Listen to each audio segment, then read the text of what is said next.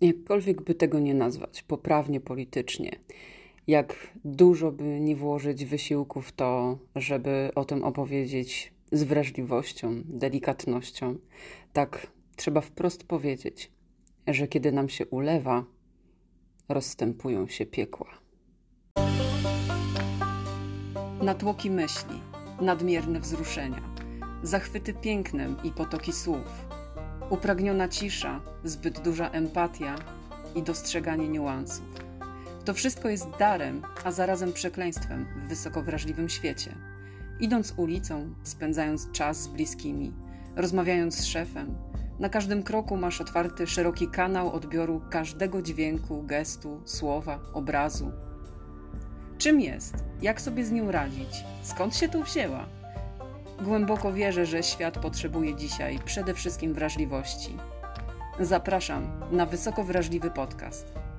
Małgosia Leduchowska. Do tego odcinka, jak do wszystkich pozostałych, zainspirowało mnie oczywiście życie moje, moich klientek i wszystkich osób, które decydują się do mnie pisać i dzielić się tym wszystkim, co im doskwiera. A z tego wszystkiego, czego doświadczam i ja, i wy, zebrałam 11 wskaźników tego, że jesteś przebodźcowana. To co? Gotowa? Gotowy? To zaczynamy.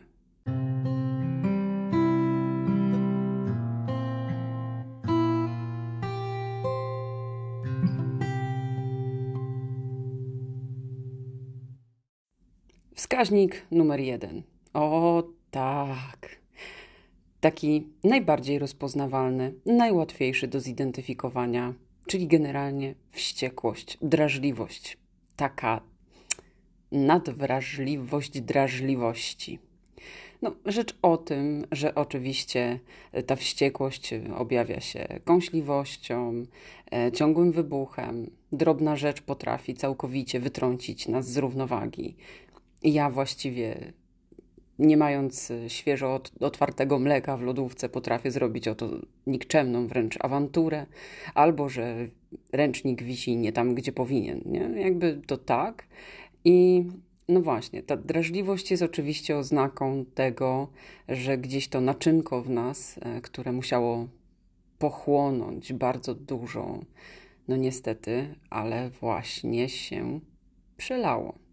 To chodzi też o to, że, że w tym wszystkim, e, kiedy tyle tych bodźców e, do nas dotarło i myśmy wcale ich nie przetworzyły, albo nie poukładałyśmy na tych wszystkich naszych główkowych półeczkach i nie oznaczyłyśmy takimi takimi zakładkami, nie podpisałyśmy, nie skatalogowałyśmy, to nie mając na to przestrzeni, jeden dzień, drugi dzień, trzeci dzień, dziesiąty dzień, dwudziesty, miesiąc, drugi, trzeci, czwarty, bo życie tak strasznie za. No, to w pewnym momencie po prostu mamy już tego wszystkiego serdecznie dość. Ta drażliwość jest tak jakby wynikiem tego, że nie mamy absolutnie czasu na potrzebną nam refleksję, zrozumienie tego, co nam się w życiu dzieje. Wskaźnik numer dwa z drażliwości też jakoś płynie niecierpliwość. No one obok siebie po prostu leżą i koniec kropka. Ta niecierpliwość to trochę takie już naciągnięcie pewnej gumy. Niecierpliwość w opozycji do ogromnej cierpliwości i wyrozumiałości, którą mamy dla innych. Niecierpliwość staje się wtedy, kiedy pada komunikat i nie ma na niego reakcji. I wcześniej jakoś tak normalnie, najzwyczajniej w świecie, miałyśmy pewną elastyczność.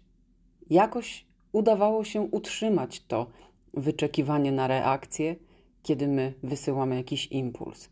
I wtem, kiedy tyle rzeczy się dzieje, ta cierpliwość właściwie znika, ulotna, niczym jakiś taki delikatny zapaszek, który nas pieścił jeszcze przed chwilą, i zamienia się w piekielną papryczkę chili, która po prostu pali nas od środka i tą niecierpliwością w nas uderza. Oczywiście odczuwają to wszyscy dookoła. My też. I z tej niecierpliwości, oczywiście, te nocne wyrzuty sumienia tuż przed położeniem się spać nie są niczym zdrożnym i nienaturalnym.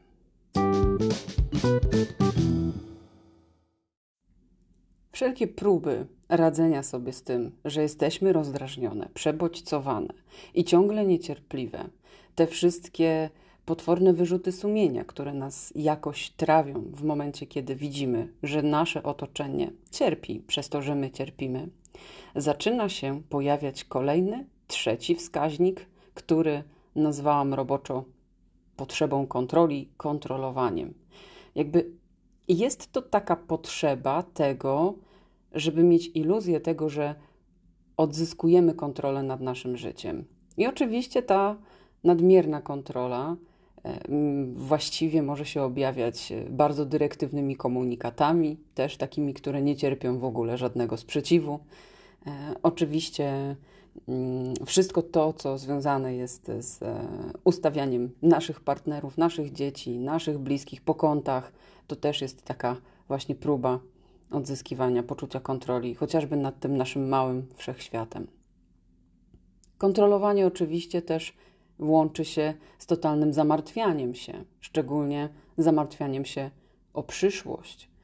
E, I kontrolowanie, nadmierna potrzeba kontroli jak najbardziej objawia się też tym, że wieczorem, jak już te wyrzuty sumienia nas potężnie jakoś przetrawią, to kolejną rzeczą, którą zajmujemy sobie naszą głowę, jest właściwie ciągłe martwienie się o to, co jutro, co nas czeka w tym tygodniu, co nas czeka w ogóle i czy to wszystko się uda, czy może czeka nas potworna klęska.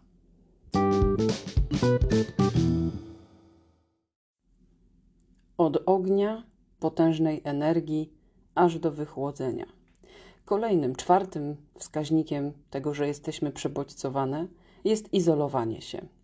I zarówno takie izolowanie społeczne w stosunku do naszych bliskich, w stosunku do osób, z którymi, no jakby nie patrzeć, jednak lubimy spędzać czas, skończywszy też na tym, że izolujemy się w domu od naszych bliskich, od wszystkich, z którymi no przecież żyjemy pod jednym dachem. Ale jakoś tak naturalnie mamy taką umiejętność takiego przemykania się wśród naszych codziennych obowiązków po całym naszym M ileś tam, żeby być niezauważoną, niezaczepioną, bo przecież jeżeli tylko ktoś to zrobi, to odgryziemy mu po prostu rękę albo odgryziemy się sami. To izolowanie się to taka dość trudna rzecz, dlatego że wszyscy je zauważają, chcą, żebyśmy powrócili do świata, a my po prostu najzwyczajniej w świecie potrzebujemy, żeby z nas wszystko to, co się w tej chwili dzieje, opadło niczym kurz po jakiejś odbytej bitwie.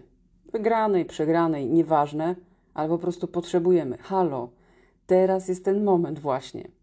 I tutaj mam ogromną potrzebę powiedzieć: izolujemy się, dajcie nam tę chwilę izolacji, błagam. Nie mówcie, co się stało, powiedz, no wiesz, bo jak nie będę wiedział, nie będę wiedział. Powiemy, naprawdę.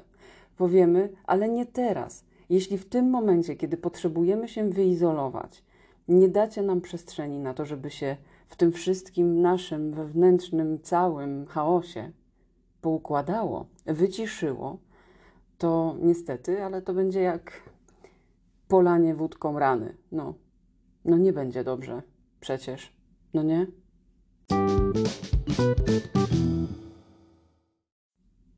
Jeśli przebodźcowanie cały czas występuje i postępuje, a my ani się nie wykrzyczałyśmy, ani nie okazałyśmy totalnego zniecierpliwienia, ani nie miałyśmy chociaż przez chwilę iluzji poczucia kontroli nad tym naszym wszechświatem i też się nie wyizolowałyśmy, to chłód postępuje dalej. I jednym z elementów tego chłodu jest przedłużający się smutek, który dla wielu osób jest raczej czymś, co można by było nazwać stanem depresyjnym, e, i pewnie wiele osób tak to odczytuje. No i znowu, oczywiście, jeśli ten stan się utrzymuje zbyt długo, no to nie jest to nic dobrego. My jednak żyjemy w jakimś świecie społecznym, e, i, i ten świat społeczny też nas jakoś potrzebuje, pragnie, chce, żebyśmy byli w nim obecni. E, w związku z czym dobrze by było do nas wrócić z tego smutkowania. Ale jeśli to jest jeden, dwa dni, gdzie po prostu ta emocja też musi wybrzmieć i na nią powinno się pojawić miejsce, to wszelkie takie, ojej, no co się stało? No przecież masz wspaniałe życie, naprawdę czego ty jeszcze chcesz? Boże, ty ciągle. O jest. Kiedy ja sobie takie rzeczy przypomnę i sposób y, niektórych osób z mojego otoczenia właśnie do takiego interweniowania w moje smutkowanie, to do dziś mam jakieś takie dziwne wrażenie otwierającego się scyzoryka w kieszeni.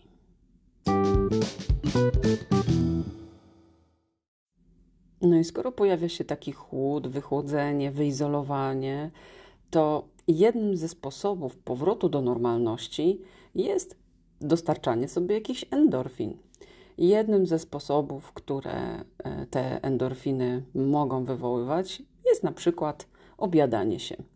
I jest to mm, oczywiście jeden też z e, bardzo trudnych tematów, no bo oczywiście dotykamy tu trochę też elementów mm, trudnej relacji z jedzeniem, ale może też tak być. Może tak być, że kiedy jest źle, to możesz mieć potrzebę sięgania po jedzenie, bo ono, co by nie patrzeć, dostarcza nam ogromnej ilości przyjemności.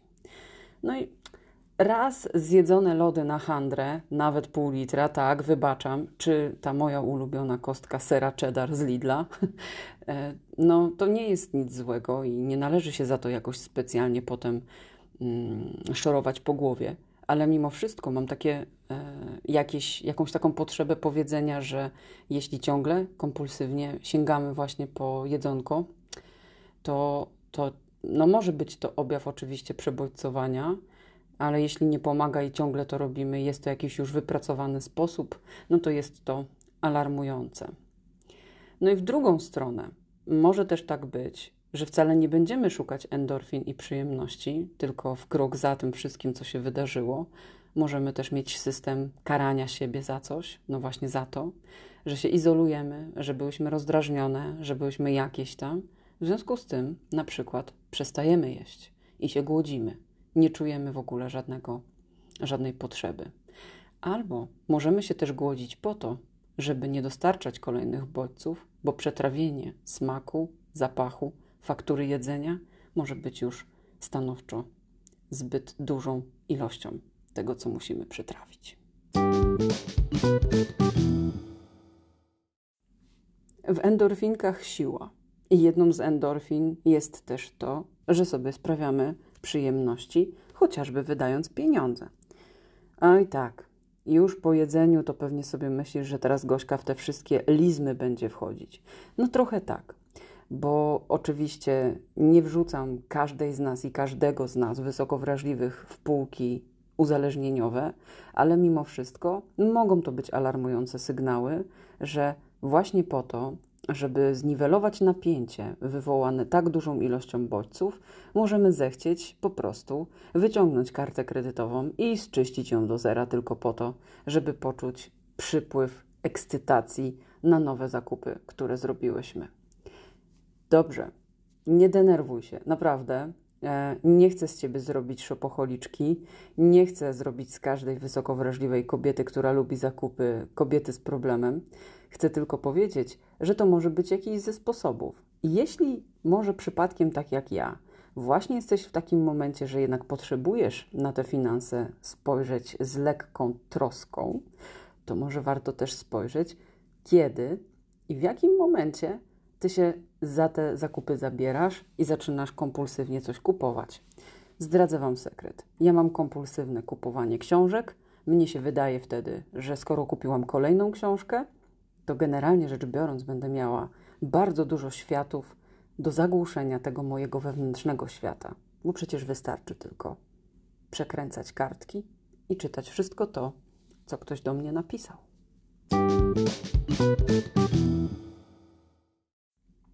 No to skoro lizmy, to jest jeszcze coś związanego oczywiście z alkoholem. I jest to jedna z najprostszych dróg i droga na skróty również i przeze mnie wydeptywana i przez bardzo dużą ilość kobiet, z którymi pracuję. I ja nie mam poczucia, że od razu tutaj wszystkie my jesteśmy y, z problemem alkoholowym, choć może i część z nas tak. Kto to wie, ale trzeba powiedzieć, że to pienie przebodźcowania w bardzo dobrym winie jest naprawdę bardzo dobrym sposobem na skróty, nieskutecznym. Bodźce nadal są, tylko gdzieś są wyciszone na tę chwilę upojenia alkoholowego. No i następnego dnia wcale nie jesteśmy jakoś specjalnie zregenerowane w tym wszystkim. No jest to ze sposobów jeden z najbardziej popularnych. Pytanie, czy robimy to właśnie po to, żeby się wyciszyć, odszumić albo wyszumić, czy też robimy to po to, żeby po prostu spróbować dobrego gatunku wina. Tych gron z tamtych szczepów, z tej gleby, z tamtej ziemi. Wiesz o czym mówię, nie?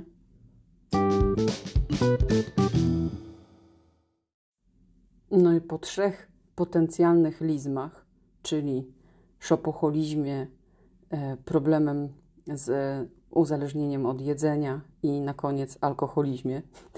Boże, co to z tego odcinka wyjdzie, to nie wiem, ale jeszcze trzeba powiedzieć o katastrofizmie. Na szczęście nie jest on no a może być też uzależnieniem, kto to wie. Ale muszę powiedzieć, że ja mam ogromną tendencję do katastrofowania. W sensie katastrofizm u mnie objawia się za każdym razem, kiedy tylko po prostu uleje mi się pokorek. Nie wiem, mam trudny tydzień, za dużo prowadziłam szkoleń, zbyt dużo miałam interakcji z innymi ludźmi i w pewnym momencie ten katastrofizm wjeżdża po prostu. O, jak on wjeżdża. I mówi do mnie tak. No i ładnie, Gośka. Bardzo Ci gratuluję. Generalnie dojechałaś się znowu. Jeszcze w weekend prowadzisz zajęcia, na pewno odpoczniesz. Tak, a potem będziesz taka zajebiście wypoczęta dla wszystkich. I kolejny tydzień znowu będzie na rezerwie. Brawo, brawo. No i, no i najczęściej się okazuje, że to takie zupełnie niepotrzebne. Niepotrzebne dlatego, że ja się jednak regeneruję, staram się spać 8 godzin, ten sen mi pozwala się zregenerować, staram się dużo spacerować, staram się dużo medytować, więc generalnie to nie jest tak, że nie pomagam sobie. Mnie ten katastrofizm raczej objawia się tym, że wcześniej do takich granic potężnie się jakoś doprowadzałam. I teraz ten katastrofizm jest takim sposobem na to, żeby zabezpieczyć i żeby nie robić tego drugi, trzeci, czwarty, dziesiąty, pięćdziesiąty raz. No, czy są na to jakieś w ogóle wskazówki i porady, rozwiązania?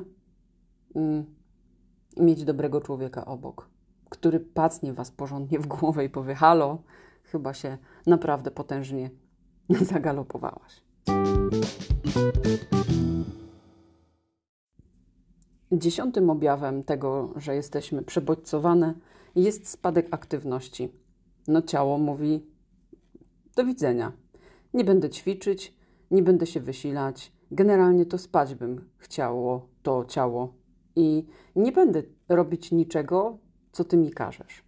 Ten spadek aktywności może się po prostu objawiać totalną ospałością, takim permanentnym zmęczeniem i e, też potężnym problemem ze skoncentrowaniem się, skupieniem. Rozjeżdża się nie tylko ciało, ale rozjeżdża się też funkcjonowanie głowy. No, kurczę, nie ma się co dziwić. Ta machina potężna, która daje nam życie, możliwość wyciągania wniosków, doświadczania i w ogóle no, życia, kurczę, ono, ta, to wielkie ciało, ta machina musi kiedyś się regenerować. I jeśli widzimy, że od dłuższego czasu, mimo że jakoś tam o siebie próbujemy zadbać, to ciało mówi do widzenia, no to jest to wspaniały sygnał z ciała płynący, który mówi: zatroszcz się teraz o mnie, przestań być wobec mnie straszną suką i po prostu otul mnie miłością.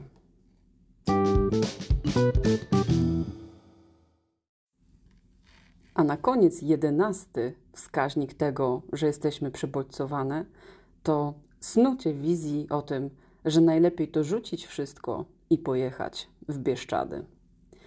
To jest moja ulubiona forma tego radzenia sobie z tym, że, że ja już tego życia nie dźwigam, że ludzie chcą nowe odcinki, a ja nie wiem o czym je nagrać, albo że e, generalnie rzecz biorąc, to muszę naprawdę godzić to i tamto ze sobą. I jeszcze, o, co ja wam będę się żalić? W ogóle zapomnijmy o tym, co powiedziałam. Chodzi tylko o to, że najprzyjemniejszą formą tego, żeby się trochę nad sobą poużalać, jest właśnie to, żeby sobie powiedzieć: walić to wszystko. Ja chcę mieszkać w Bieszczadach, w głuszy, bez internetu, nie chcę bodźców. Zima w ogóle niech będzie taka, że nie będę mogła otworzyć drzwi, tak niech mnie zasypie. Nieważne, będę jadła korzonki, nieważne. Oczywiście wizję o tym, żeby pojechać gdzieś do jakiegoś kraju i po prostu spróbować tam od zera. To wszystko jest związane z tym, z tą ogromną potrzebą oddzielenia się grubą krechą od czegoś, co właśnie się w tej chwili w naszym życiu wydarza i po prostu najzwyczajniejszej, przepraszam za mocne określenie, spierdolki. To jest trochę też o tym, że czasami nie jest wcale tak łatwo być w ciągłej refleksji i przepracowywaniu. I kiedy dochodzimy do jakiejś granicy, właśnie takiego przebodźcowania, to sobie myślimy, no ile można, no, no, no ile jeszcze będę to dźwigać, ile jeszcze będę sobie o tym wszystkim e, rozkminiać. Po prostu wtedy myśli się o tym, że dobrze by było rzucić etat, że dobrze by było się wyprowadzić, sprzedać to zadłużone, w sensie na kredyt hipoteczny, do 63 roku życia mieszkanie i powiedzieć: W ogóle, czy o to w tym wszystkim chodzi? Czasami niektórych z nas oczywiście takie rozkminy prowadzą do takich szalonych decyzji. Ja za te wszystkie osoby trzymam mocno kciuki.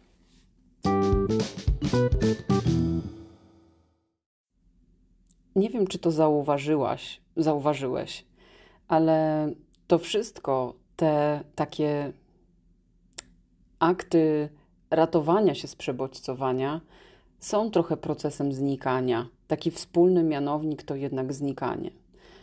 Znikanie z areny tych wszystkich tych, którzy mogą tego po prostu zupełnie nie zrozumieć. Znikanie w głąb siebie, albo jeszcze gorzej, odcinaniem się od siebie. Ja właściwie niedawno temu przeczytałam książkę Glennon Doyle, Nieposkromiona, i ona tam napisała, coś takiego, że a co jeśli prawdziwą miłością do świata i do siebie nie jest znikanie, tylko pojawianie się, ukazywanie się mu w całości? I tak sobie myślę, mamy prawo do złości, mamy prawo pokazywać, że nam się ulało, mamy prawo do tego, żeby stawiać granice i mamy prawo czasem kompulsywnie coś kupić, zeżreć, wypić i generalnie wszystko jest w porządku. Jedyne o co chciałabym zadbać w tym odcinku, to to, żeby ci powiedzieć, jeśli się to ciągle wydłuża i przedłuża, to musisz zerknąć w swoje życie i zobaczyć, które rzeczy permanentnie ciągle cię obciążają i prowadzą cię do takich reakcji. No bo to nie o to chodzi, żeby cały czas nieustannie walczyć z efektem przebodźcowania, tylko chodzi o to, żeby tak poukładać swoje życie, żeby tego przebodźcowania unikać, a nie jego efektów. Małgosia Leduchowska, wysoko wrażliwy podcast.